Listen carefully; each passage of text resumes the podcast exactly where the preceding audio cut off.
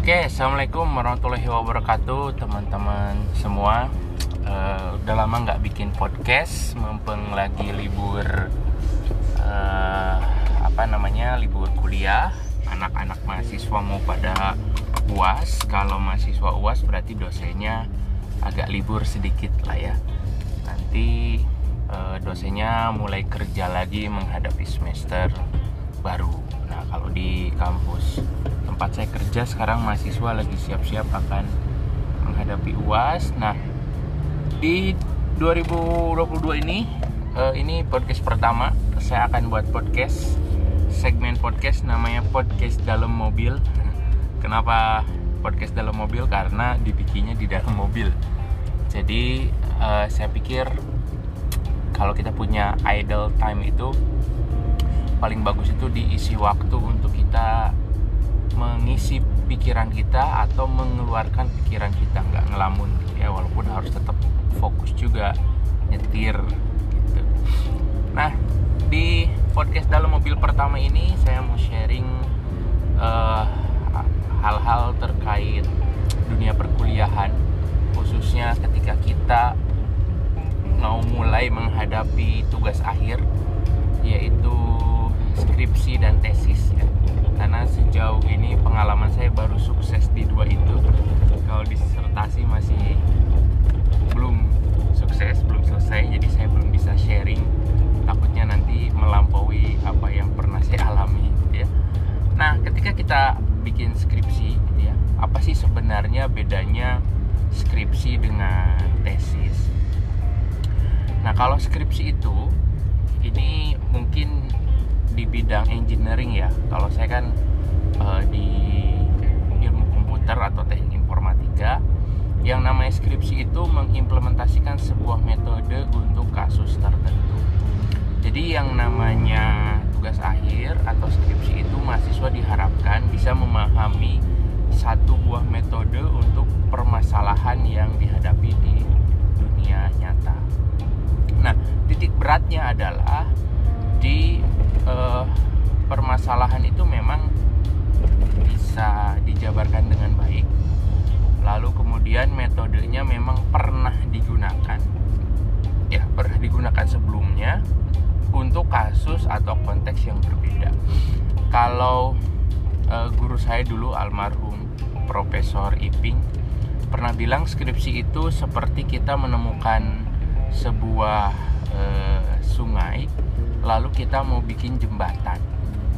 Nah, e, tugas seorang mahasiswa sarjana tingkat 1 atau S1 gitu ya, itu adalah e, belajar teknik-teknik pembuatan jembatan yang sudah ada, lalu mencoba memasang jembatan itu di sungai tersebut.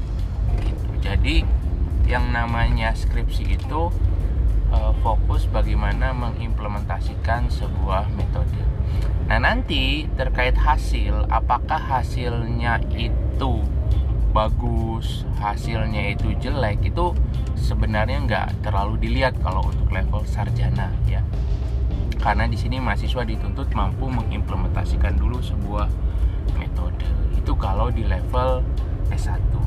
Nah jadi ketika kita uh, mau menyusun skripsi maka kita harus benar-benar memahami persoalan uh, yang akan kita hadapi. Kalau bisa semakin dalam semakin jelas persoalannya dan dekat dengan dunia nyata ya. Maksudnya tuh uh, persoalan skripsi itu ada yang bisa kita simulasikan di ruang ya di laboratorium lah ya di ruang uh, di ruang tertutup dalam tanda kutip gitu ya. Jadi masalahnya bisa diasumsikan uh, bisa juga yang memang masalahnya itu dekat dengan keseharian nah kalau skripsi itu biasanya lebih dicenderung yang dekat dengan keseharian nah nanti setelah masalahnya cukup clear maka uh, tugas teman-teman itu adalah mengeksplorasi metode-metode yang ada. Nah, biasanya lebih dituntut uh, hal-hal yang terbaru gitu ya. Apa sih metode terbaru yang orang pakai? Bahkan dibatasi ya kalau kita merujuk makalah ataupun buku pun ataupun skripsi terdahulu tuh yang nggak boleh di, di atas lima tahun. Maksudnya jaraknya nggak lebih dari lima tahun. Misalkan sekarang tahun 2022 ya diharapkan kita cari paper-paper maksimal paling tua itu 2017 biasanya seperti itu ya. Walaupun nggak kalau yang barusan itu tentang usia rujukan itu nggak nggak mesti ya. Tapi kalau di dunia teknologi di engineering itu biasanya seperti itu. Nah itu untuk uh, persoalan skripsi ya skripsi. Nggak tahu ya nanti kalau ada yang dengar podcast ini mungkin dari teman-teman sosial misalkan teman-teman sejarah misalkan gimana sih sebenarnya uh, apa namanya skripsi di bidang sejarah tuh kayak gimana gitu. Karena saya termasuk pecinta sejarah juga dalam arti saya sering dengerin ya kalau kalau sejarah itu uh, bisa apa ya merefresh lah ya. Saya biasa sering, sering dengerin sejarah-sejarah baik yang ada referensi ilmiahnya ataupun uh, sifatnya bebas ya penjelasan bebas. Nah kalau sejarah atau sosial mungkin agak beda ya cara pandangnya. Tapi kalau yang saya pahami di bidang engineering kira-kira seperti itu. Atau nanti ada teman-teman juga pak saya saya juga teknik pak tapi nggak gitu juga kok pak cara pikirnya ya boleh boleh aja. Ya ini kan terbatas dari referensi yang saya punya. Tapi sejauh saya uh, belajar di beberapa kampus gitu ya ya anak-anak S1 biasanya seperti itu nanti tentu yang membedakan adalah yang pertama memang kemampuan mahasiswanya. Uh, sejauh mana dia bisa mengeksplorasi metode karena biasanya penekanannya di situ maksudnya mengeksplorasi metode yang sudah ada lalu kemudian mendapatkan uh, akses terhadap masalah. Karena nanti dalam bidang engineering tentu masalah itu harus bisa diakses dalam bukti kita mendapatkan data. Gitu ya jadi datanya kita akses seperti itu. Kalau teman-teman yang lain saya uh, kira mungkin agak sedikit berbeda tapi nggak akan terlalu jauh lah.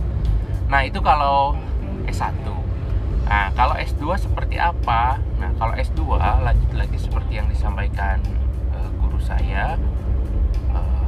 Kalau S2 itu kita menghadapi satu buah kasus lagi-lagi jembatan ya. Maksudnya lagi-lagi sungai kita harus bikin jembatan nah uh, seorang magister itu harus mampu kemudian memahami metode-metode apa saja yang mungkin untuk diterapkan di kasus jembatan yang dihadapi atau membangun jembatan yang dihadapi.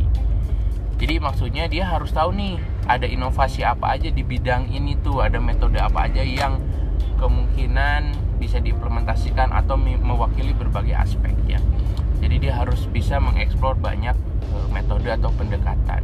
Nah tugas dia adalah memilih metode apa yang paling bagus ya. Metode apa yang paling bagus uh, di kasus membangun jembatan yang dihadapi jadi selain nanti dia memahami karakter masalahnya sudah jelas ya dan aspek masalahnya pun juga biasanya variabelnya jauh lebih kompleks e, biasanya risetnya itu dalam beberapa skenario kemungkinan persoalan. Jadi misalkan begini kalau dalam masalah jembatan persoalannya itu gimana kalau saat kering misalkan ya e, si airnya? Nanti gimana kalau saat normal? Gimana kalau saat deras?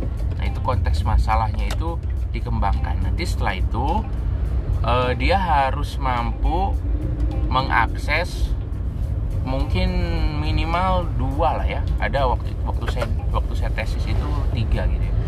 Dua atau tiga metode minimal yang bisa diterapkan di kasus jembatan tadi dengan tiga kondisi tadi. Ketika jembatannya atau sorry ketika sungainya kering sungainya normal atau sungainya deras. Nah lalu kemudian dianalisis dari ketiga metode tadi lalu kemudian didapati metode mana yang paling pas.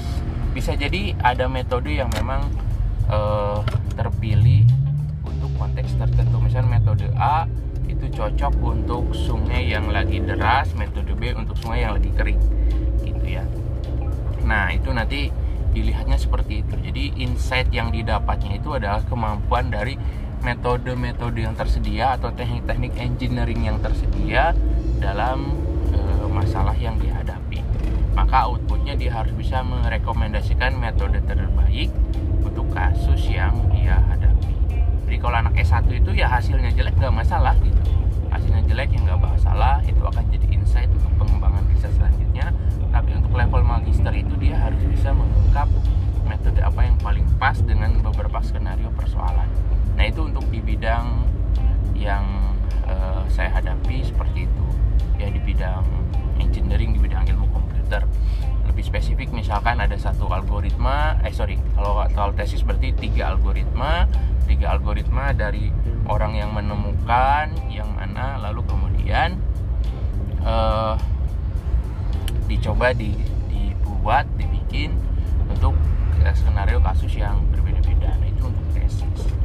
Nah kalau disertasi gimana? Ya saya sih nggak akan bisa bilang banyak ya intinya karena saya sudah uh, mengalami bikin proposal udah sukses lah ya kalau bikin proposal. Kalau disertasi itu secara singkat adalah kita menemukan metode baru untuk kasus yang kita hadapi. Bisa kasusnya baru atau kasusnya lama uh, kita metodenya baru. Ibaratnya kita membuat teknik membangun jembatan yang baru lah gitu. Singkatnya begitu. Nanti detailnya kapan-kapan mungkin saya akan uh, sharing bagaimana pengalaman ketika bikin proposal menjalankan riset di S3 oke itu aja. Uh, teman-teman selamat uh, apa ya? Selamat menjalankan aktivitasnya lagi. Semoga yang dengar ini punya inspirasi ketika lagi mikir-mikir mau bikin proposal uh, skripsi gitu ya. Nah kalau ada sedikit perbedaan misalkan pak saya waktu kuliah metodologi penelitian nggak gitu kok pak. Ya itu mungkin referensinya nggak nggak sama dengan yang yang saya punya ya. Itu aja uh, podcast dalam mobil kita kali ini. Sampai ketemu lagi. Assalamualaikum warahmatullahi wabarakatuh